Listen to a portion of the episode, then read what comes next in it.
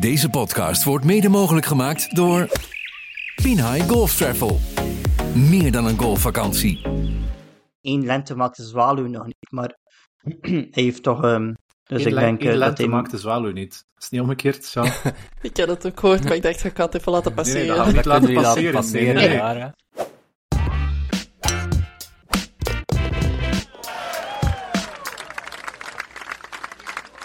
In deze aflevering hebben we het zeker over onze Belgen die het deze week enorm goed doen, maar we gaan het ook hebben over mijn Breaking 90 Challenge. En vandaag gaat het niet over kracht, niet over techniek en niet over course management, maar het gaat vandaag over meditatie. En daar gaan we straks met een gast over eh, spreken. We hebben hier eh, Lara vanuit Spanje terug op de podcast. Heel blij dat je terug bent, Lara. Ja, hallo, hallo. Ik ben ook eh, blij dat ik er terug bij ben. Ik ga mijn seizoen eh, deze week een beetje op gang proberen krijgen in Spanje. En ik zit nu een weekje eh, vooral te oefenen. En er is ook een wedstrijd, maar ik heb al op voorhand in mijn hoofd dat de wedstrijd zelf is eigenlijk minder echt het doel. Het gaat vooral zijn om een beetje het ritme op te bouwen, terug te kunnen, te kunnen spelen. Want met het weer natuurlijk, de laatste tijd hebben we weinig, weinig goed kunnen oefenen. Dus daar hoop ik, eh, Ja. hoop ik wel een beetje op gang te We hadden hier vandaag in Vlaanderen een hele mooie dag rond het vriespunt. Dus ehm, ja, totaal niet jaloers. Ja. Maar we moeten het dus hebben over onze Belgen, hè, want onze Belgen hebben het deze week eh, al ja, redelijk goed, eh, goed gedaan. En ik denk dan vooral aan een eh Thomas de Trie en een, en een Adrien Dumont de Chassard op de PGA Tour, die op de Farmers Insurance Open eh, goed aan het spelen zijn. Thomas de Trie, kunnen we daar eens eh, gaan inchecken? Want we zijn aan het opnemen op zaterdagavond. Dat wil dus zeggen dat eh, de laatste, de vierde dag, eh, net gestart is. En wel, Karel, ja, de drie is, ik denk, twee of drie holes ver. Heeft al, een, heeft al vier holes gespeeld, al één bogey. En hij is al ja, weggezakt naar T6. Maar Jean vindt dat we nog heel positief moeten zijn, maar hij heeft nog maar vier holes gespeeld. Hij heeft nog heel veel par vijfs. ehm, en het komt nog helemaal goed, zegt Jean. Juist? Uiteraard, je moet, moet vertrouwen hebben in, in, in Thomas de Trie. Ehm, we mogen niet vergeten ehm, dat hij toch wel redelijk ver kan slaan. Torrey Pines is een verre baan, maar niet alleen een lange baan, maar niet een super, super lange baan. Ehm, gewoon een beetje vertrouwen. Als hij hier en daar een, een fairway, zo een paar consecutieve fairways kan vinden, en dan daarna een paar greens in de regulation, en dan een paar, eh, beetje momentum kan opbouwen, komt dat wel goed als hij een paar goede par saves kan doen en een paar putts kan maken. Ik heb er alle vertrouwen in dat hij wel een mooi resultaat zal spelen vandaag. Winnen gaat heel moeilijk zijn, want het is een heel sterk deelnemersveld. Ehm, maar ik heb het vertrouwen in een goede dag. Heb je de laatste hole gezien gisteren van eh D3? Die approach op eh hole 18. Dus hij maakt daar de, de layup op de laatste hole met een fairway. Hij slaat hem op de green. Redelijk ver achteraan. Spint helemaal terug het water binnen.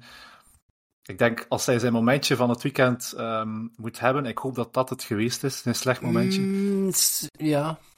Nu, hij wist dat eigenlijk al. Iedereen weet dat van die green. En hij had dat, ik heb, ik heb bijna heel zijn ronde op, eh, op dag 2 gezien. En daar had hij hetzelfde voor. Alleen, eh, dat heel veel geregend eh, die week.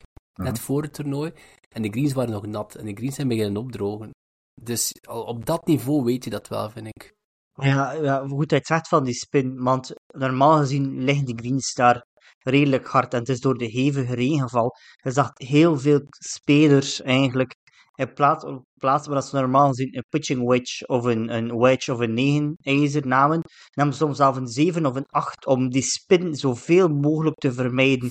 Want het was altijd backspin bij die mannen in hun Mhm. approaches en ze waren de controle en de bal gewoon kwijt.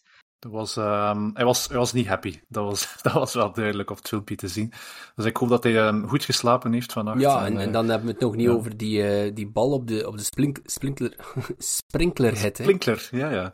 Er werd op, eh, op internet zag ik ook al commentaren. Kunnen ze niet gewoon wat kunst, allee, kunstturf op al die nou, sorry, sprinklerheads van rond de green leggen Ja. om dat te vermijden? Want dat is echt een unlucky break. Hè. Je mist de green, ja, een klein Mhm. beetje. Je landt daar in de rough. Normaal blijft die bal eh, vastzitten. Hij kan het up en down krijgen, maar nee, nu botst die daar 50 meter verder, of hoe ver was het?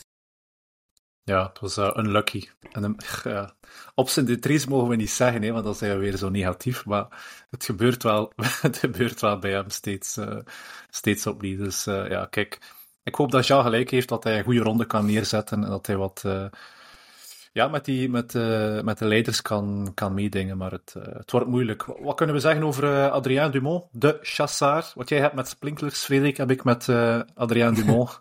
die, die, de chassard moet ik soms er eens goed over nadenken. Maar uh, ja, goed dat hij de kut gehaald heeft, zeker dit weekend.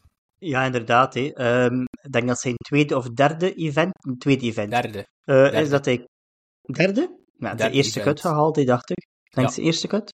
Mm -hmm. Ja, maar, ja, het is natuurlijk, wat staat hij op dit moment? Hij, hij bengelt rond het 60, 70ste plaats. Dat is niet nee, nee. natuurlijk, maar... 74, heeft de rondje 76 ja. gespeeld vandaag. Dus. Ja, dat is niet schitterend. Het kan beter, maar ja, uiteindelijk, hij komt wel van de Corn Ferry, waar dat hij eigenlijk ja, dan allemaal naar huis heeft gespeeld de eerste weken. Nu een ander niveau, uh, andere terreinen, ander, ja, meer, veel meer um, show, hè. Ik geef de man vind, nog wat tijd. Ja, tuurlijk. Ik vind dat wel goed, een beetje voetjes op de grond. Hè. Want hij had waarschijnlijk gehoopt, ik ga die drie events spelen, want volgende week is het eerste designated event op uh, Pebble Beach. En dus je weet, top 50 speelt, heeft daar startrecht. Totaal 80 uh, plaatsjes. Geen kut, dacht ik, uh, in Pebble Beach trouwens ook. Dus uh, big money game.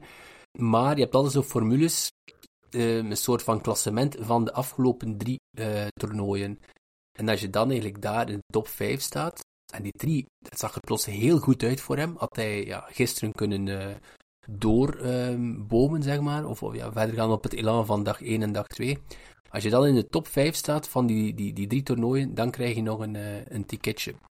Dus ik denk dat zowel ADDC als uh, die drie daarop gerekend hadden.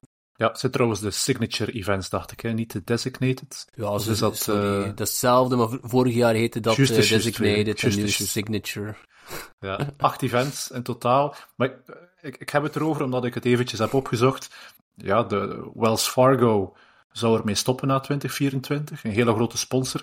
En nu blijkt ook de Farmers Insurance uh, Open, also de Farmers, Farmers Insurance, zou er uh, mee stoppen na 2026. Dus het contract loopt uh, tot 2026. En er zijn wel um, ja, berichten, denk ik, van vorige week, begin januari, dat, dat ja, zij het ook niet echt meer zien. Die, die mannen moeten 13, tussen de 13 en 15 miljoen dollar per jaar betalen als uh, title sponsor. Dus ja, als je dan zo'n John Rahm ziet vertrekken naar Liv, dan wordt dat wel moeilijker en, en moeilijker. Dus ja, kijk. Het wordt, het wordt interessant om dat toch ook wel te volgen. Wat ik denk bij de Trees, het zou wel heel goed zijn als hem, als hem een keer de overwinning kan binnentrekken. Niet gewoon omdat dat natuurlijk mooi is om een overwinning te hebben. Ik denk gewoon dat dat voor hem na een tijd ook heel erg begint mee te spelen, dat hem een beetje wordt bekeken als een eeuwige tweede. Hè. Ik bedoel, het is een supergoeie golfer, maar ja. hij, krijgt het niet, hij krijgt het niet over de lijn uh, getrokken voorlopig. Hè. Maar is daar iets mis mee? Voor mij is, voor mij is dit drie geen winnaar. En hij is zelfs geen eeuwige tweede. Hij is gewoon een heel goede top 10 en top 5 speler. Op het hoogste niveau ter wereld. Hè. Allee, als je een ja, hele carrière denk... maakt op de PGA Tour mm -hmm. en je speelt af en toe top 5 en top 10, hij heeft, heeft mm heel mooi geld verdiend. Dat is ook een heel mooie carrière, vind ik. En ik, sorry, als hij dat, sorry, nog één niet, als hem dat twee dagen daar eerst of, of tweede stond, en dat is heel, heel erg dat ik dat moet zeggen, nee, maar er is geen haar op mijn hoofd die dan denkt, die gaat zondag, of in dit geval zaterdag, die gaat winnen. Hè. Er is geen haar op mijn hoofd die dat denkt, en dan denk ik, ah, moving day gaat het waarschijnlijk, uh, en ja, het was zo, hè, rondje plus één. En mm vandaag moet nu, moet nu ook nog komen. Ja, maar het is wel jammer, want ik vind als je hem ziet spelen, heb je wel zoiets van de capaciteiten zijn er om, om te winnen. Natuurlijk, het is ongelooflijk moeilijk om het uiteindelijk, uh, uiteindelijk binnen te halen, maar uh, hij, volgens mij, dat is, dat mijn mening, heeft hem zeker wel het, uh, het, talent. Je moet gewoon ergens ook het geluk hebben dat het allemaal mee zit die week en dat niet uh, bal op een sprinklerhead botst en dan het water in, of ergens out of bounds, maar dat een keer op een rots botst en op de green, wat je bij andere mensen ook, uh, ook veel ziet. het is een, wat dat betreft is geluk natuurlijk een beetje geven en nemen. Maar ook voor, voor golf in het algemeen denk ik dat dat goed is, dat we, dat we toppers hebben die, die winnen. Hè. Uiteindelijk, golf blijft een kleine sport waar dat zeer weinig media-aandacht aan wordt gegeven. En als er iemand wint, komt dat wel in de pers en is dat een goede een goede manier om, om, om golf een beetje in de kijker te, te zetten. En ik denk dat ik dat meer, of dat belangrijker vind dan per se dat, dat ik dat een eeuwig een tweede vind of dat ik dat negatief zou vinden. Nee. Maar ik denk gewoon dat er ongelooflijk veel mee te winnen valt als hij wint voor zichzelf, voor golf in het algemeen, voor alles. Mm -hmm. Dat is ook de kracht geweest van, uh, van Pieter destijds om daar een paar uh, ja, kleppers van wedstrijden te winnen op toch een, een relatief korte termijn ook. Ja, en zoals absoluut. je zegt, dat, dat komt in het nieuws, komt bij ons op Sportzaal, op, op het nieuwsblad, op HLN. En, en dat is nog altijd iets dat Pieters ja, meerdere streepjes voor heeft op alle andere, alle andere spelers. Tuurlijk, en dat zijn ook de weken waarop dat de kinderen die dan nu beginnen met golf ook naar de klas kunnen komen en zeggen, ah ja, die, die gast die in het nieuws is gekomen, ja, voilà, ik doe dezelfde sport. En dan is dat in plaats van iets elitair en suf of oud of welk stigma dat er ook rond golf zit, kan dat iets super cool zijn. Van, wat dat je die ziet doen, ja, ik ben daar ook mee bezig. Uh Tuurlijk, als, als kind is dat anders natuurlijk, maar gewoon laat ons uh, golf een beetje, een beetje in de lift steken, denk ik dan. Ja, grote kanshebber om um, misschien dit jaar eentje te winnen op de DP World Tour. Of ben ik mis? Mathis Bizar. Die is supergoed bezig nu uh, op de DP World Tour. Staat gedeeld zevende. Zal niet winnen deze week, want uh, ik denk dat hij acht shots achter staat op uh, Eulissen. De laatste keer ik naar het leaderboard keek. Maar goed, gedeeld zevende. Hoe gespeeld hij al deze week? Ja, hij was echt niet slecht bezig. De eerste dag was wat minder, maar dan heeft hij een rondje nu min 8 gespeeld. Op de tweede dag. En vandaag op Moving Day, zoals dat dan heet, heeft hij min 4 gespeeld. Met een, um, een uh, bijna eagle op hole 18. Hole 18 is een paar 5. zijn eerste drive, goede drive. Tweede, drive was, tweede slag was dan driver of the deck op de green gezwierd. En dan twee put, easy, easy birdie kan ik met vertrouwen um, de laatste dag inslaan. Was ook twee dagen op een rij boogie free, dus ook zeer goed voor het vertrouwen, denk ik. Uh, vandaag heel steady gespeeld, vier birdies, enkel op paar vijf. Dus evolueren, kijken hoe het gaat evolueren naar morgen toe, maar uh, Mathis uh, het is een heel goed, um, heel goed begin van, van, zijn, allee, van zijn seizoen. Hè. Uh, Ian daar ja. wel een kut geweest in het begin. Maar, uh, maar goed, voor het, nu... uh, goed voor het vertrouwen, goed voor het momentum. Ja, goed, goed voor het vertrouwen, ja. En niet enkel Mathies Bessaar is goed bezig, maar ook mijn favoriete Belgische golfer.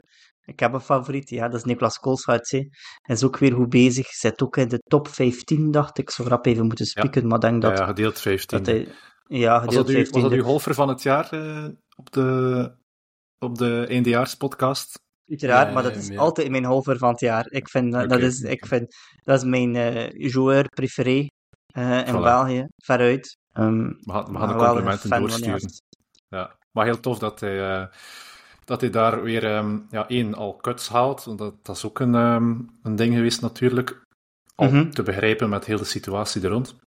Maar om hem dan effectief dan top 20, top 15 te zien spelen om ook hem uh, op, de, op de socials te zien terugkeren op de DP World Tour. Heeft daar een, heeft daar een mooie uh, driving range sessie staat op Instagram. Absoluut. Uh, heel leuk om te zien ook. Maar hij, hij had weer zijn... Allee, het is één lente maakt de zwaluw nog niet, maar hij heeft toch um, nu al uh, allee, consistent drie dagen deftig gespeeld. Dus Eén ik denk één dat hij... maakt de zwaluw niet. Is het niet omgekeerd, Sean? ik heb het ook gehoord, maar ik dacht, ik ga het even laten passeren. Nee, dat gaan we niet laten passeren. passeren, nee, nee. Dat laten we hier niet passeren op de podcast. Lap. Kan je helpen, Jean? Kan je helpen? Nee, maar um, ja, nee, hopelijk heeft hij een, um, een, een, consistent seizoen terug en kan hij Ja. terug. Uh, want um, er zijn ook hervormingen geweest op de DP World Tour. Ik weet niet of jullie het allemaal opgepikt hebben, maar er zijn nu verschillende swings. Je had het al zo'n beetje onofficieel voor de PGA Tour, maar je hebt dat nu ook op de DP World Tour. En dan al begonnen met de, ja, dat zijn geloof ik vijf gewone swings. En dat zijn gewoon vijf swings, een beetje verdeeld per continent als het ware. Apart klassement. En elk van die aparte klassementen, als je dat wint, kan je naar de soort playoff systeem. Dat begint vanaf eh, eind augustus, eind, ja, ja, eind de zomer, dacht ik, begint dat. Een soort complex systeem van punten, van eh, rankings dat je kunt winnen per swing, als het ware. Ehm, en dat evolueert dan zo naar de playoffs, een beetje het systeem van wat we de PGA Tour al jaren gewend zijn. Maar dan meer globaal gezien per continent. Het is wel leuk om te volgen. Het zal leuk zijn, want dan krijgen die kleinere events ook veel meer ja, aandacht. En gaan de, de, de, de, de, de, de incentives voor aan die kleinere toernooien mee te doen zijn dan volgens mij veel meer waard zijn. Uh, om dan um, heel het jaar door het wel boeiend te houden voor kijker en speler, denk ik. Ja, dus je krijgt de kans om in een van die events, dat zijn vijf, zes events, soms zeven events, voor het echt goed te presteren, dat je daar op de focus legt. Of soms ga je zeggen van, ik ga voor de consistentie, ik speel zoveel mogelijk. En dan maak ik ook wel een deftige kans. Dus je kunt een beetje hinken op twee gedachten. Want niet alleen krijg je, um, als je zo'n swing als leider staat, krijg je geen um, ticketje tot die back nine, maar krijg je ook een keer een bonus van 200.000 dollar. Dus dat is eigenlijk ook wel al de moeite. Frederik, jij volgt de DP World Tour niet zo echt. Is dat iets dat jou meer zou interesseren om, om, om die wedstrijden te volgen? Maar ik zou dat zeker volgen. Dat is, uh, is eigenlijk een heel simpele reden. Ik heb geen, geen klassiek tv-abonnement. Um, dus ik, er is geen enkele manier om op legale manier naar de DP World Tour te kijken voor mij. Dat is mhm. eigenlijk de, de, de, reden. Dus ik, heb, uh, ik kijk PGA Tour via de... Ik heb een Eurosport, zo um, ja, ja. Discovery um, ja. abonnement. Dus ik kan dat gewoon streamen. Maar uh, DP World Tour, ja. Live kan ik natuurlijk ook kijken nu met uh, de Live app. Um, maar uh, DP World, ja, die leven nog in de prehistorie. En je moet een Play Sports abonnement hebben. Of je kunt dat niet zien. Ja, moeilijkheid. Ook de, de damesgolf, Lara, is ook zoiets, hè? Wat moet je dag gaan, ja, moet je dag gaan bekijken, in godsnaam? is... Ja, een beetje onpopulaire mening, maar ik volg dat zelf ook, uh, ook weinig, omdat ik vind het te moeilijk om te volgen. En ik, ik, mis zo, ik mis in damesgolf mis ik zo wat karakters, dat ik echt denk van ja, dat vind ik nu een toffe en die ga ik echt, uh, echt volgen. Ja, oké. Zo, zo een, een, een, meerdere factoren. zoals nu op de LPGA staat uh, Charlie Hull weer op één.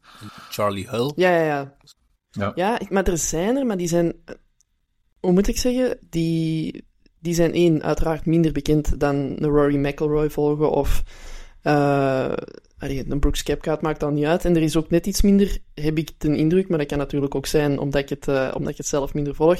Er is ook zo minder zo de, de drama die dat er speelt ook op de Tour. En dat zorgt natuurlijk ook een deel voor de media, de, media die er rond zit in, in de, de extra nieuwsberichten, waar dat je dat op je tijdlijn op Instagram wat, wat rapper gaat volgen, of dat je dat meer, meer kijkt. Uh, plus, dat moet ik dan ook wel toegeven, vind ik dat bij de vrouwengolf, als je dat nu kijkt op tv, dat wordt één al weinig uitgezonden, maar ik vind ook dat het heel vaak ongelooflijk impressionante golf is, omdat dat zo constant is, maar te weinig drama, omdat dat zo constant is. Dus dat is zo, ja, het is, het, is een beetje een grof woord om het te zeggen, maar ik vind het in veel gevallen nog een beetje saai om te volgen.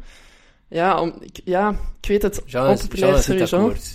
Nee. Maar ik, ik kijk zeer graag naar de. Allez, ik, als ik kan kijken naar de um, mm, LPG of naar de vrouwengolf in het algemeen, is vaak, vaak de highlights op Play Sports.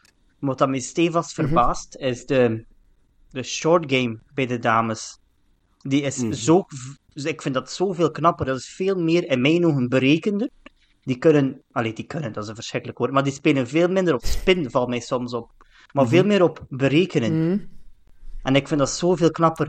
Als ze zijn bepaalde short game of bepaalde approaches doen, is dat veel vaker op, op afstandsberekening als het ware. Ja, ik vind dat zoveel knapper van te kijken. Jongens, mag ik, ik, mag ik even onderbreken? Ik wil de azijnpisser niet uithangen, maar de 3 heeft zijn tweede bogey gemaakt. Een, uh, een drieput, ja sorry, een drieput op uh, de par 4, hole 5. Oh, een en, uh, drieput. Hij staat nu al T16. Met dus, ehm, ja. Ja, er zit echt wel de azijnpisser aan het uithangen, Frederik. Kijk, ja, sorry, ik, ik, geef gewoon de Maar ja, een drieput wel altijd bij. Ik gewoon de feiten weer, hè. Ja. Maar bon, doe gerust verder over de LPGA. Uh, nee, uh, wat ik eigenlijk wou zeggen was, ik vind dat net het knappe van de, allee, wat dat je ziet bij de mannen, maar er zijn ook wel vrouwen dat dat kunnen hoor. Denk, allee, veel vrouwen die dat, dat ook kunnen, van met die spin te spelen. Ik denk dat dat vaker op de langere slagen is, dat je ziet dat ze daar minder spin kunnen creëren doordat ze minder kracht hebben. Maar ik vind dat juist kei cool om te zien hoe dat je, ja, je wedge of, uh, of een chip, die kunnen daar soms een flopshot doen, die daar op 10 centimeter stil ligt. Ja, dan denk ik van, dat wil ik ook wel kunnen, maar dan besef ik dat dat, dat, dat allemaal niet zo gemakkelijk is. Um, en ik denk dat ook, ja, uh, hoe, hoe zeggen ze het? Wat je niet kent, wat je niet interesseert. Hoe is nu weer die uitspraak? Je hebt daar zo'n ja. leuke uitspraak over. On, nee. Onbemind. Onbe ja, ja, ja. On, ongekend is onbemind. Ja. Ongekend is onbemind. Het is en ik denk dat vrouwenrolf gewoon nog te ongekend Ja, het is hier zeer moeilijk om de juiste uitspraken te vinden Eén lente, podcast, dat, uh, dat merken we al. Maar ermee, ermee dat ik daar juist zou ook niet... Uh, ja. Ik dacht van, ik ga het niet zeggen, want ik doe zo'n dingen ook.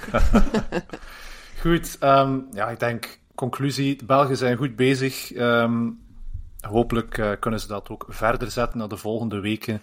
En uh, met de echte start van het seizoen ook, dat, uh, ja, dat we heel wat um, leuke momenten hebben om over na te keuvelen op de podcast. Dat is natuurlijk wel altijd mooi meegenomen. We moeten het ook hebben over Breaking 90. Frederik, jij wou het hebben over um, mediteren. Leg eens uit waarom. Wel, Karel, ja, heel simpel, omdat ik vind dat jij moet beginnen mediteren. Want uh, je hebt het zelf al gezegd, zoals de luisteraars weten, ben jij heel hard, of ik hoop het toch, heel hard aan het trainen om in mei een rondje onder het 90 te, te spelen.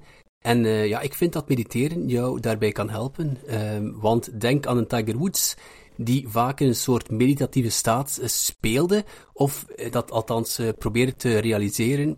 Misschien weten mensen dat niet, maar Tiger die is begonnen met mediteren door zijn moeder, die een boeddhiste was, en heeft naar eigen zeggen altijd gemediteerd, sinds zijn geboorte zelfs. Nu combineer dat met de mind games die zijn vader, een ex-Green Beret, met hem speelde, en je krijgt natuurlijk een mentaal ijzersterke kampioen. Um, in de 90s dacht men zelfs dat Tiger onder, onder uh, hypnose golfde, maar vandaag denkt men eerder dat hij al wandelend mediteerde en continu zijn ademhaling en hartslag onder controle kon houden, wat er ook gebeurde. En wie er ook begon te mediteren omdat hij het moeilijk had om 18 holes uh, gefocust te blijven, is uh, Phil Mickelson en dat zou ook hem flink geholpen hebben. Ben jij al overtuigd, Karel? Ik ben vooral heel blij dat je van mij een Tiger Woods uh, wilt maken. um, uh, overtuigd zeker en vast. Ik denk dat dat een, um, een evidentie is dat het mentale aspect in golf super belangrijk is. En ook, ja, zoals ik het in de intro al vermeldde, moeten we het niet hebben over techniek en, en, en, um, en course management, maar is natuurlijk ja, wat in je hoofd uh, speelt en draait uh, enorm belangrijk. En we hebben daar een, een leuke gast voor uitgenodigd vandaag, um, Stijn Heijmans. Welkom Stijn. Dankjewel. Op jouw website lezen we dat je, dat je personal coach bent en een, en een meditatiecoach, maar je hebt ook wel een link met, uh, met golf, hè? Klopt, ik speel zelf ook golf, of ik probeer dat toch te spelen. En het is misschien wel uh, meditatie of de mind game dat achter golf zit, dat mij er zo in uitnodigt om het spelletje heel leuk te vinden als ik echt gewoon zeg wie ik ben, dan ben ik een, een avontuurlijk iemand. Ik ben ongelooflijk gepassioneerd in uh, persoonlijke ontwikkeling. Alles wat met de mind te maken heeft. Hou heel erg hard van vegan pizza's en zet ongelooflijk graag koffie. Als je mij vraagt wat ik doe professioneel gezien, hè, dan ben ik inderdaad personal coach. Ik werk met mensen één op één. Um, een full potential coach, zoals dat dan heet. Ik heb een boek geschreven, Verander je leven in zes stappen. Dus het gaat heel vaak over mensen die vastzitten, die meer uit het leven willen halen, een grotere kwaliteit van leven willen. En uh, wat doe ik nog allemaal? Ja, meditatie. Ik um, werk op energetisch niveau, één op één. Ik heb samen met mijn vrouw een concept elke dag vakantie. Want het leven is te kort om af te tellen naar het weekend. Um, ja, dus ik zou het misschien samenvatten als ondernemer. Oké, oké. Okay. Ja, die elke dag vakantie interesseert mij wel, maar daar gaan we het vandaag niet over hebben. Wat mij wel ja. interesseert, uh, is dat mediteren. Um, ja, meditatie, ja. wat is dat juist? Ik vind dat uh, Frederik het daarnet heel mooi heeft verwoord en de vergelijking maakte met Tiger Woods, dat die, als je daar naar kijkt, die zit in een bepaalde flow, die kan precies de, de buitenwereld uh, van zich afsluiten. En meditatie is eigenlijk echt een oefening of een techniek om ja, onze geest tot rust te laten komen eigenlijk. Om te kunnen kiezen wat we precies gaan doen met externe factoren die we niet in controle hebben. En meditatie is dus ja, een oefening, bijna een, een, een spieroefening. Het is net zozelfde als je ja, voor een marathon traint, dan ga je je loopspieren oefenen. Zo ga je meditatie eigenlijk, je meditatiespier en je mentale staat gaan, uh, gaan beoefenen. ik niet alleen, maar een paar mensen die de podcast hebben daar heel wat vragen over. We gaan, dat, we gaan er uh, straks uh, meteen induiken. Maar wanneer ben jij begonnen met, met mediteren? Is dat iets dat je ja, Wel, organisch bent beginnen doen?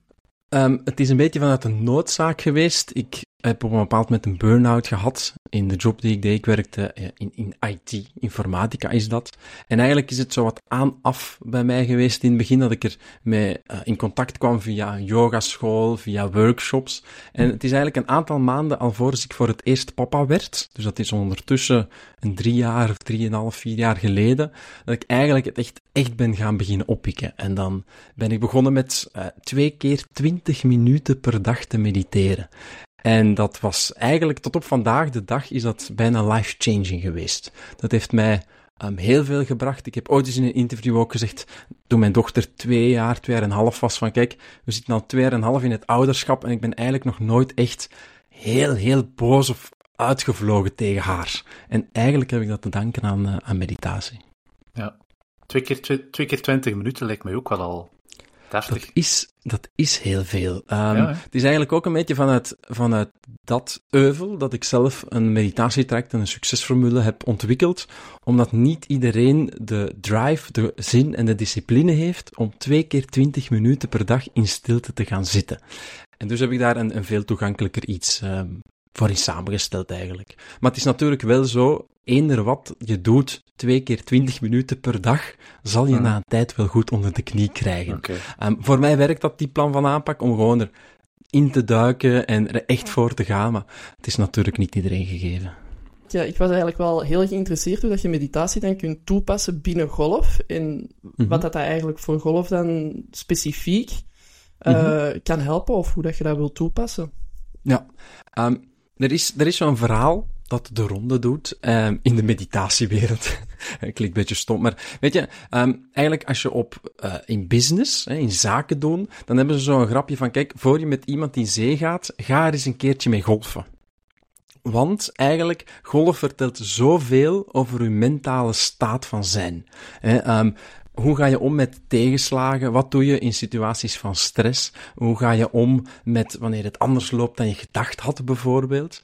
En het is ook waarom dat mij golf zo aanspreekt. Dat is omdat je eigenlijk enkel en alleen tegen jezelf speelt. Um, hè, je grootste Absoluut. vijand is je eigen gedachtegang. En je ziet dan wel eens iemand, en dat is ook, als ik dan zelf naar pros kijk, de beste pros zijn diegenen die eigenlijk het best kunnen recupereren van tegenslagen. Hè, gewoon ja, slagen met een driver, dat kan iedereen wel vaak, maar het is recuperatie van misgeslagen slagen. Hè, en eigenlijk, meditatie is daarom zo'n krachtige tool, omdat het eigenlijk uw mentale weerbaarheid gaat trainen. Um, net hetzelfde als je de techniek traint voor um, voor je slagtechniek, ga je dan eigenlijk kunnen gaan kiezen, oké, slechte bal geslagen, ik ga niet in een neerwaarts of een, uh, ja, een downpulling spiraal terechtkomen, maar dat de ene slechte slag de andere gaat volgen, maar je eigenlijk gewoon bijna kan gaan resetten en kan gaan kiezen, oké, okay, this happened, um, move on, focus to the next thing, buitenwereld bijna buitensluiten um, en gewoon terug en nogmaals, Frederik hè, haalt Tiger Woods aan, dat is dan wel het summum natuurlijk, om echt gewoon terug te focussen op datgene wat je aan het doen bent. En dat is eigenlijk heel eenvoudig weg tegen een balletje slagen. Ja, ik vind dat ook wel... Sorry, Frederik, ga... zeg maar hoor. Iemand waar ik ook altijd aan denk is uh, Patrick Cantley. Um, en een goed voorbeeld is natuurlijk Headgate van de recent op de Ryder Cup. En, en Cantley wordt er, allee, wordt er ook gezegd dat hij vaak mediteert. En, en mm -hmm. die werd daar eigenlijk een hele dag uitgejouwd door uh, de, ja. Uh, ja, het Europese publiek. En die bleef daar zo stoïcijns, zo cool. Die bleef zijn beste, beste golf spelen. Um, maar dus wat jij dan eigenlijk zegt, stel dat die al jarenlang elke dag 20 minuten mediteert, door die oefeningen te doen, is hij beter in staat om eigenlijk rustig te blijven onder dat gejoel van het publiek. Mag ik dat zo, of is dat te kortzichtig? Dat is 100% juist.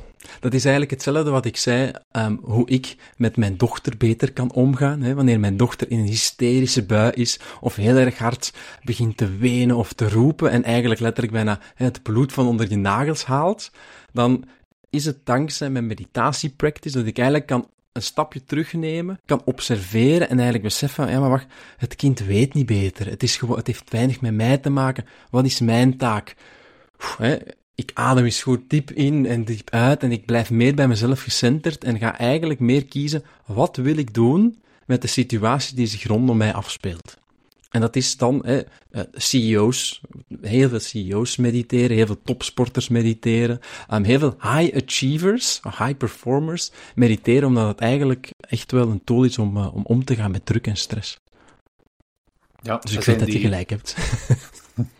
Zijn die um, 20 minuten al voldoende? Stel dat je daarmee begint, moet je dan, ik zeg maar iets, uh, beter één uur per dag gaan uh, mediteren om het onder de knie te krijgen? Of, of doe je het ja, op een andere manier? Heel, hele goede vraag. Um, ik had het eigenlijk niet mogen zeggen van mijn twee keer 20 minuten, want dat demotiveert. Hè? Dan denk je al, hoe ga ik daaraan beginnen? Um, eigenlijk, there's no such thing as a bad meditation. De enige slechte meditatie die je kan doen, is de meditatie die je niet doet. Wat wel belangrijk is, is dat je um, vooral de consistentie aanhoudt. Dus vijf keer, uh, één, wacht, één keer per dag vijf minuten mediteren voor zeven dagen is constructiever dan één dag per week 35 minuten mediteren. Um, zie die duurtijd een beetje als ondergeschikt. Het gaat eerder echt om het feit wel of niet doen, wel of niet kunnen volhouden. Um, want ik, ik weet dat dit geen vraag is, maar ik ga het er toch bij zeggen. Hè. De vraag is, hoe lang heeft, heeft iemand van jullie al gemediteerd?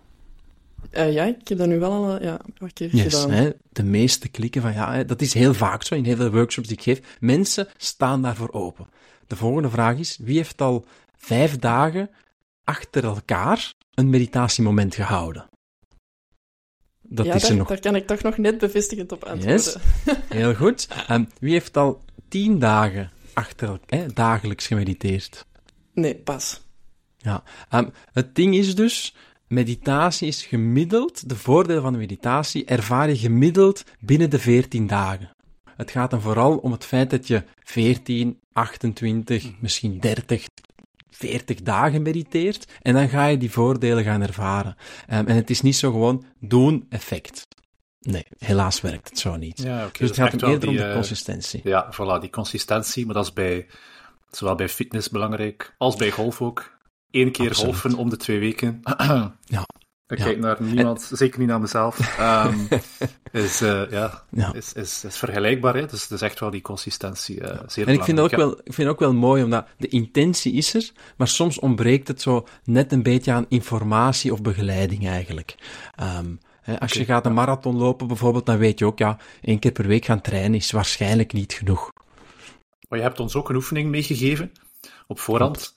Um, Frederik, dus, heb jij die uh, uitgevoerd? En wel ja, Stijn die vroeg daarnet wie heeft hier al eens gemediteerd. Ik dus, een uur geleden.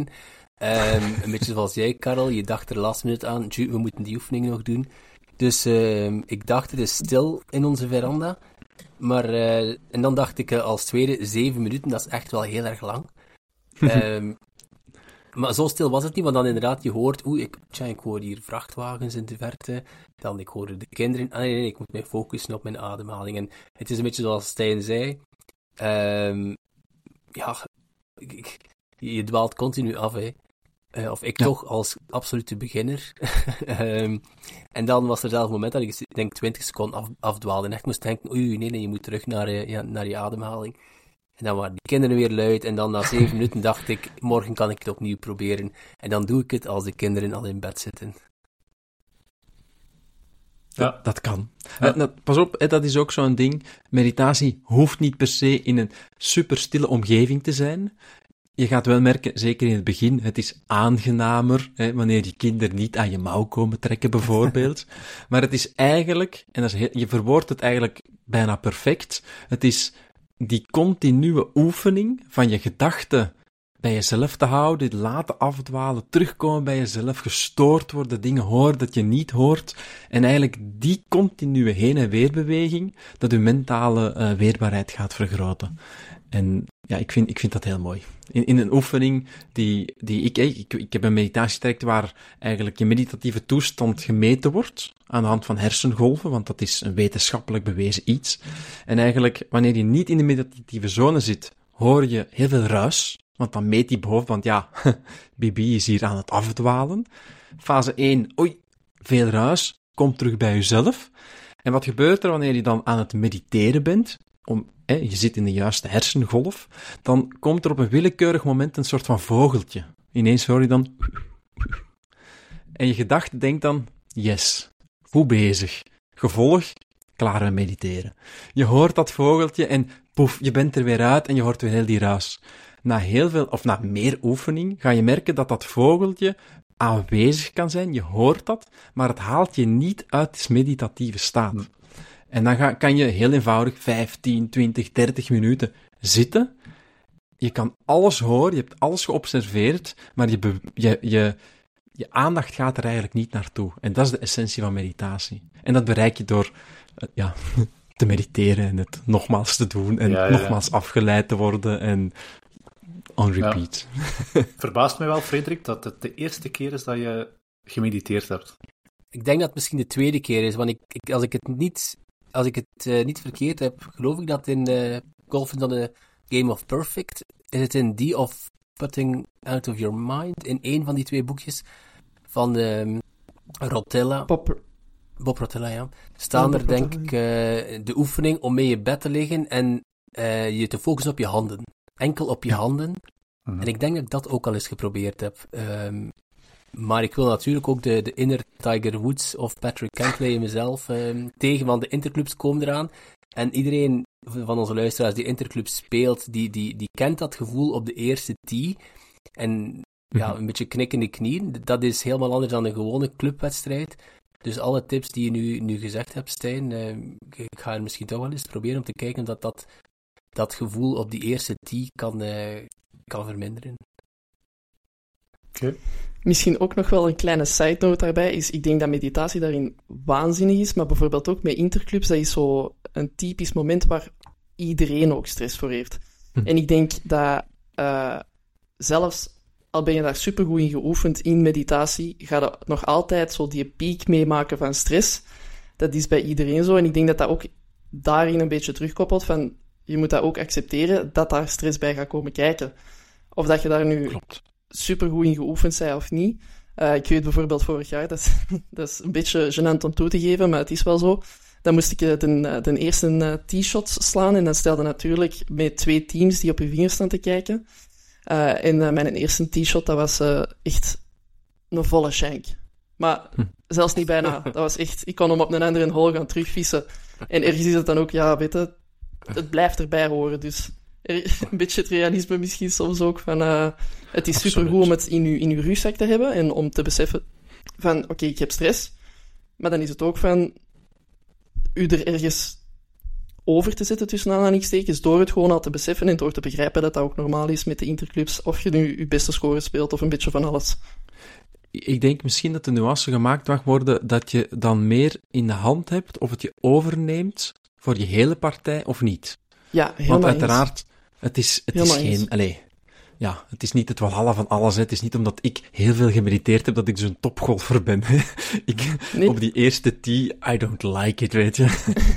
Ehm, maar het, het kan wel helpen en het kan wel... ehm, ja, je weerbaarheid eigenlijk, dat is misschien de beste verwoording. 100%. Nee, nee, ik ben het er wel helemaal mee eens. Het was zeker Ja. ook niet eh, een, een ding van dat meditatie niet goed is, want ik doe het zelf ook. Nee, nee, maar maar- het is, Ik vind het fijn dat je nu nuance het maakt, want het, is, ja. allee, het blijft spannend. Hè. Het gaat niet gewoon magisch verdwijnen of zo. Eh, je moet ook gezonde zenuwen hebben om, om goed te kunnen presteren. Eh, wat misschien wel een belangrijk nuanceverschil is, dat we nog moeten vermelden, is dat ik het heb over stilte-meditatie.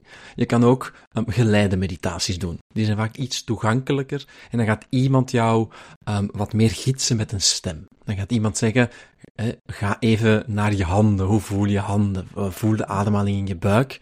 Heel fijne meditaties, krachtig ook. Ik ben iets meer fan van stilte meditatie, omdat dat echt gewoon, ja, me, myself en I is. Daar komt naar boven wat naar boven komt. Misschien nog één afsluitende vraag, want het interesseert mij ook wel. Ehm, we hebben het ook bij meditatie vooral over het ja, tot rust brengen van, eh, van uw emoties. Dat als het eh, ja, heel spannend wordt op de golfbaan, als je heel veel zenuwen krijgt, om daar ook mee om te kunnen gaan. Wat ik bij mij dan mentaal eh, vooral soms mis, is, is de focus. Is dat iets dat ook verbetert met meditatie? Want ik vind wel een verschil tussen het kalm blijven onder omstandigheden wat ik denk Mhm. ik wel ergens te kunnen. Mhm. Maar dan vooral ehm, de focus te behouden. Ik vind, ik vind dat twee Ja. aparte, aparte zaken op de baan. Ik denk dat ik daar wel nog veel meer progressie kan in maken.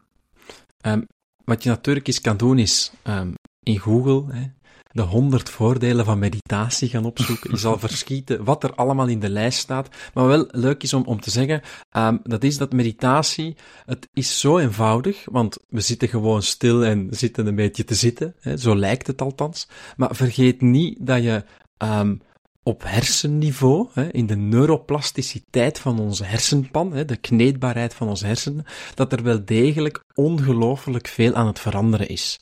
Ehm, ze hebben eens een onderzoek gedaan, ik denk dat het was mensen acht weken gemediteerd voor x aantal tijd per dag. Ze hebben die een MRI-scan gelegd. Dat is zo'n ding dat dan gaat gaan kijken welke, hersenhelft, eh, welke hersendelen er meer en- of minder actief zijn. En eigenlijk de conclusie daarvan, ik heb het hier zelfs opgeschreven, ik heb gevoeld dat ik dat moest gaan opzoeken, Ehm, dat is dat mensen over het algemeen kalmer, empathischer, geconcentreerder en evenwichtiger ehm, door het leven gaan. En dat is gewoon zo'n ding. Het, het lijkt zo eenvoudig, stilzitten en wachten, om het dan zo te zeggen. Maar je verandert wel degelijk iets op, op, ja, op, op breinniveau. En concentratie is daar één van die dingen bij. Hè. En we zijn heel snel afgeleid. Maar meditatie zorgt er ook gewoon voor dat je ja, langer in een bepaalde zone van focus kan blijven zitten. Dus ja, ehm, het gaat je helpen. Als we, als we nu niet, ja, als we nu niet denk- gemotiveerd zijn, eh, dan weet ik dat het ook we, niet meer. dat we stil naar Breaking eh, 85 moeten gaan kijken, hè, met al die tips die je krijgt. Ja, het gaat te makkelijk worden, die 90. Geen Oei, oei, breaking oei, oei, 80, oei. we moeten, de, we moeten de lat hoog leggen, hè, jongens, kom aan. Eén kleine nuance, dat is dat er een hele kleine groep is van mensen waar meditatie een nefast effect voor kan hebben. Wil ik gewoon even bijvermelden. Wanneer je echt al in een best diepe depressie zit, je voelt je waanzinnig slecht, dan kan het zijn door een langere periode te mediteren dat je eerder voelt dat je in de put gaat dan dat je eruit gaat. Dat is een heel klein percentage, want je moet al best ehm, je erg slecht voelen. Mijn advies is om, om dan eigenlijk eventjes naar je arts te gaan en eh, Ja. daarover te gaan praten. Dat is wel een hele goeie. Dat is wel een goeie om nog eh, toe te voegen. Stijn Heijmans, heel erg bedankt om eh, tijd vrij te maken vanuit het eh, gedaan. zonnige Spanje. Misschien kom je Lara nog tegen eh, deze week. Wie weet. Ja. Wie weet, wie weet. Kunnen we eens Het gaan golven, hè. Voilà. met dat competitie in acht houden, weet ik niet of ik daar de ja op durf te zeggen. Maar Recreatief is ook top, dat is ook top. ja, dat. Oké, Wie weet, wie weet. Maar het was heel fijn om, eh, om te gast te zijn. super. Als je Dankjewel. trouwens eh, meer informatie wilt op een website, vind je ook gratis geleide meditaties, eh, bodyscans en ehm, alle info over die hoofdband en mijn meditatieprogramma. Ja, we gaan er zeker in duiken. Dankjewel, Stijn. Veel succes.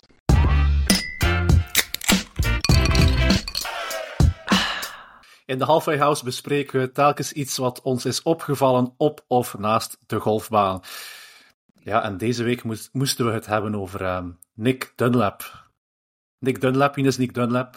Nick Dunlap was tot voor kort de eh, US Amateur eh, kampioen. Zeer, Mhm. zeer goede amateur. En eh, ja, sinds iets recenter is zij de winnaar van de American Express. De eerste amateur sinds 1991 die een PGA Tour event wint. Ehm, en daarvoor was het ook al, denk ik, van de jaren 80. Dus dat gebeurt zeer zelden. En ja, de, wie hem voorging was Phil Mickelson. Dat klopt toch, hè? Dat we dat, we dat Ja, ja, niet dat moeten klopt, gaan... dat eh, klopt. Ja, dat ja. klopt, dat klopt. Dat klopt, ja. Oké, dus eh, Nick Dunlap is een heel, heel, heel grote meneer. Een enorm talent. En Nick Dunlap is eh, ja, sinds gisteren of eergisteren officieel pro. Maar toen hij de American Express won, was hij dat nog niet. Dus de Halfway House moeten amateurs die deelnemen aan profwedstrijden prijzengeld krijgen. Discuss. Ja, jouw mening. Nee, nee, ik vind dat is, dat is, dat is, dat is een statuut dat je hebt. Dat is, eh, je bent eh, een amateur of je bent een prof. Als je aan je buurman vraagt om je eh, wc te ontstoppen, dan betaalt je die mensen ook niet bij wijze van spreken. Als je een loodgieter te komen, ja, dan is het te betalen natuurlijk. Ik vind niet, het is niet omdat je een invite krijgt voor een bepaalde wedstrijd te mogen deelnemen, eh, dat je daarvoor, en als je dat wint, fantastisch, proficiat. Maar je bent nog geen pro. Het is ook zo ehm, dat je op de Masters ook een invite kunt krijgen, ook als amateur. En die mensen mogen daar wel slapen, daarboven in de clubhouse. Maar die verdienen daar ook niks aan. Dus ik vind, het is jammer, maar ja, het is een statuut en uh, hebt u daarnaar te, te plooien, vind ik. Ja, ik ben het daar eigenlijk wel niet mee eens. Op zich uh, vind ik dat je als amateur, als je wint of als je in de, in de prijzen valt, dat je daar ook gewoon het geld van mocht krijgen. Uiteindelijk heb je dan bewezen dat je, die, allee, dat je goed genoeg hebt gespeeld. Terwijl, ja, in, in andere sporten vind ik ook niet dat dat onderscheid tussen pro en amateur zo extreem groot gemaakt wordt. En in golf is dat wel echt uh, is dat een heel groot verschil. Ja, maar het heeft ook te maken met andere zaken hoor. Het is vooral het Amerikaans systeem. Um, ja, daar kan je een scholarship krijgen via je golf. Dan krijg je eigenlijk een heel mooie, dure beurs naar mijn amateur. Als je daar bovenop dan ook nog eens het prijzengeld gaat, gaat afsnoepen van echte pro's, uh, zoals dat Sean zegt, dan, dan, ja, dan klopt dat systeem niet meer. En daarom proberen ze dat dan eigenlijk een beetje, ja, ze proberen het amateurstatuut te vrijwaren. Inderdaad, je hebt je, je, je collegebeurs, maar je, kan niet eh, dan ook nog eens eigenlijk eh, van twee walletjes gaan eten, zeg maar, en ook het, het prijzengeld van pro's gaan afsnoepen op de wedstrijden waar je uitgenodigd wordt. Ja, maar het is niet enkel en alleen altijd invites, denk ik ook. Hè. Allee, bij zijn spreken, als je aan een wedstrijd mag deelnemen en je speelt gewoon goed genoeg, vind ik ergens ook. Ja, de beloning mag daarvan volgen. Ja, maar dan moet je als pro, iedereen kan pro zijn, hè? dat is toch ook niet zo moeilijk. Je verklaart je toch gewoon pro, dacht ik. Want anders kan je, kunnen, er zijn zoveel supergoeie D1, dus Division 1, um, golfers, stel Ludwig Aberg vorig jaar, als die denkt elke maandag, ah, ik heb niks te doen, ik ga ergens een mini-tour gaan spelen of zo. En die speelt daar uh, de helft van die kerels overhoop. En die, die verdient elke, elke maandag misschien nog 5 of 10.000 dollar uh, in de pocket. En tegelijk studeert hij en, en speelt hij college golf. Dat, dat, dat is toch, alleen dan help je toch het pro-circuit dat, ja, ook om zeep. Ik, ik snap wel dat je die, die zaak probeert gescheiden te houden tot een amateur zegt, oké, ik ben nu klaar om echt pro te, te worden. Ja, maar ik vind dat je dan wel ergens ook voorbij gaat aan het feit dat amateurs... Dus tuurlijk, je hebt de, de, de scholarships, en dat zal zeker een heel groot deel zijn van de amateurs die de invites krijgen en, en um, mogen meespelen. Maar tegelijkertijd, als amateur, heb je ook toch heel veel kosten te maken om op zo'n toernooi te geraken. En dan denk ik, tuurlijk, pro's hebben de, de, de stress van het moeten. De stress van, oké, voor mij is het echt voor mijn, voor mijn boterham morgen vroeg.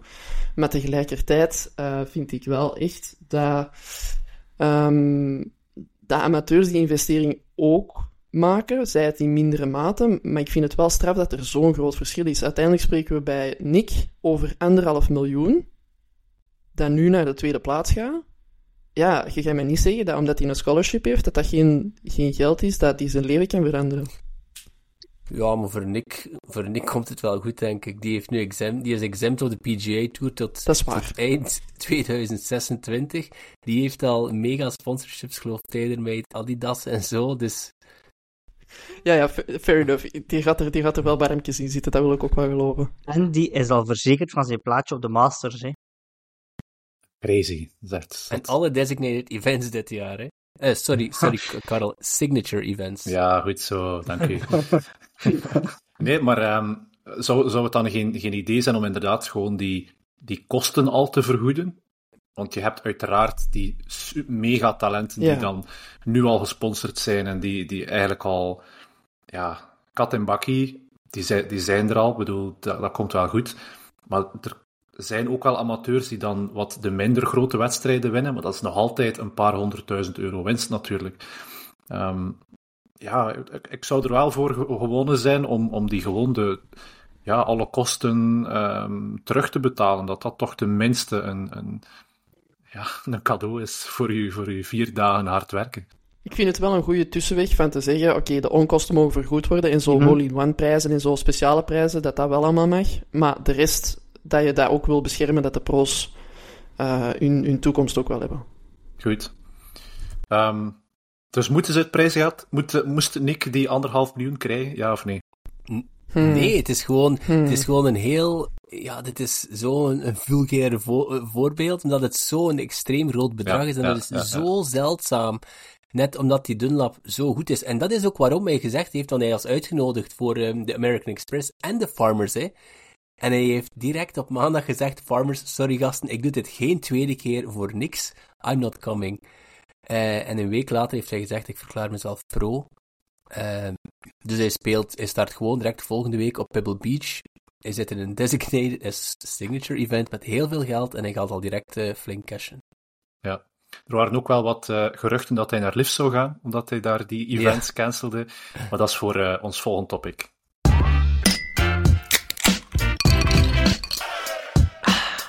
Ja, Liv, daar moeten we het toch ook over hebben. Um, en het komt in elke aflevering terug. Dat zal misschien zijn redenen hebben. Maar um, Ronk en Hetten zouden op weg zijn naar het team van Raam. Ja, je bent uh, een grote Hetten-fan. Hoe zou je je daarbij voelen als hij, uh, als hij weggaat? Ja, mijn Valentin is als mislukt. Hè. Mijn hart is gebroken in duizend stukken. Dat is, uh, ik vind dat, ja. Het is nog niet definitief, dat is... het is nog niet officieel al tenminste. Maar, Meronk zit er ook bij, bij die uh, geruchten. Bij Meronk is er wel al iets meer rook, Karel, want uh, die was al op de Farmers, die ging daar starten. Uh, en ik geloof dat hij op dag 1 van de Farmers, of, of net ervoor, ja, zich teruggetrokken heeft. En dat zegt toch altijd wel veel, hè? Ja, ja. Het is al officieel van Marok. Het is al officieel volgens mij. Nee, het is pas officieel als het op... Dan moet je dat nu gaan opzoeken, op... Jean, dat nieuwsbericht. Want ja, dat hebben we ja, nog niet gezien. volgens mij... Ik, ik, ik heb een, een, tweet, of wordt dat nog tweet genoemd? Ik weet dat eigenlijk niet. X, een um, X. Een X. Zie je dat op Twitter staat dat het officieel is, Jean?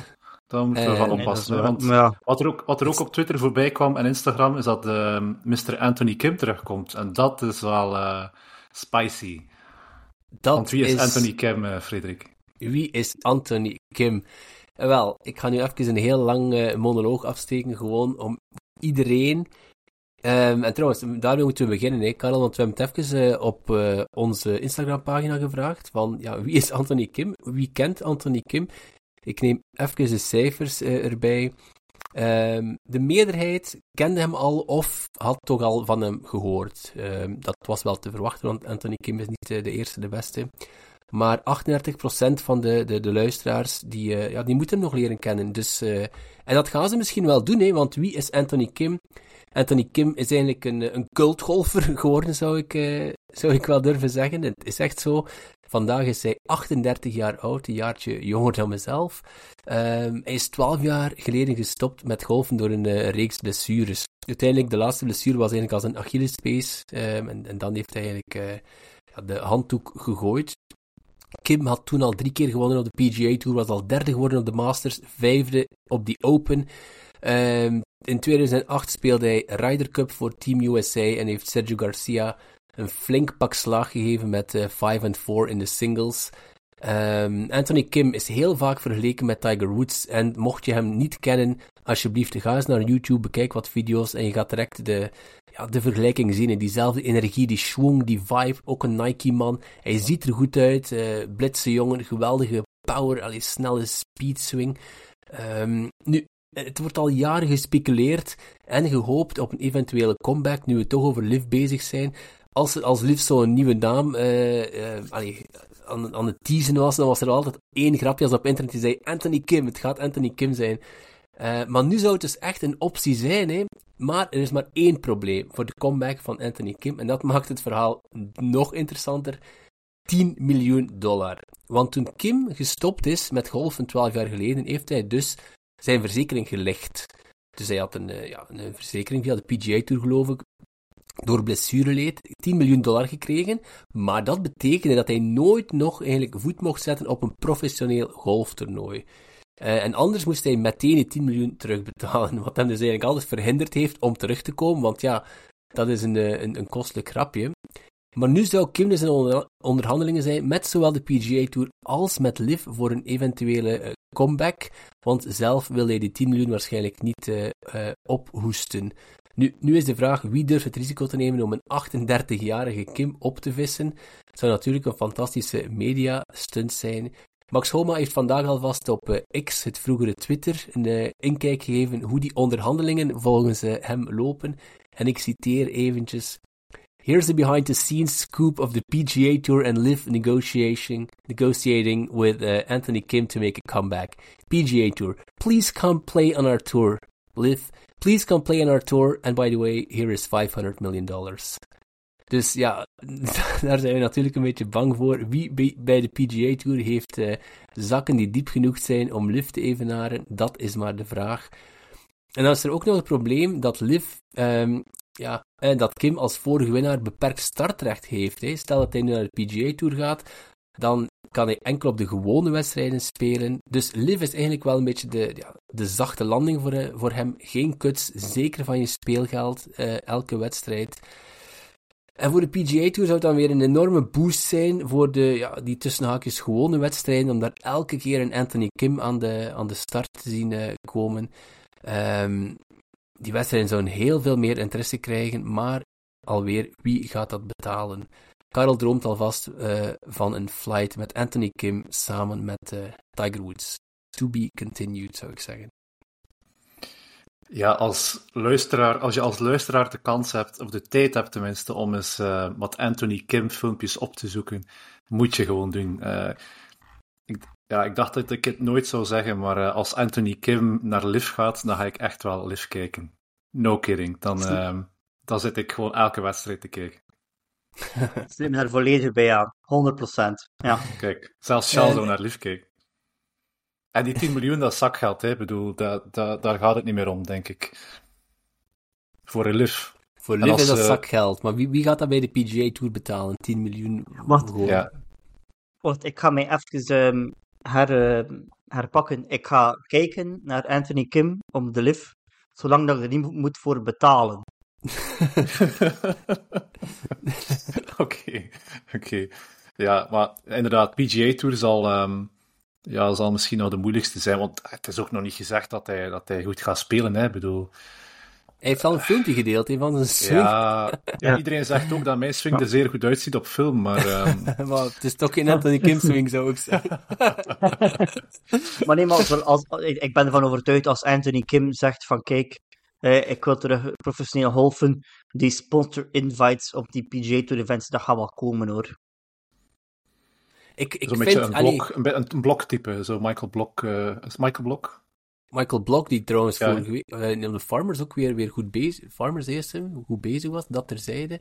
Uh, ik vind gewoon inderdaad dat de PGA Tour alles, echt alles uit de kast moet halen om PGA, um, om, om uh, Anthony Kim bij hen te houden, zodat dat hij niet naar, uh, naar Liv loopt, he, want dat, ja, dan is het echt...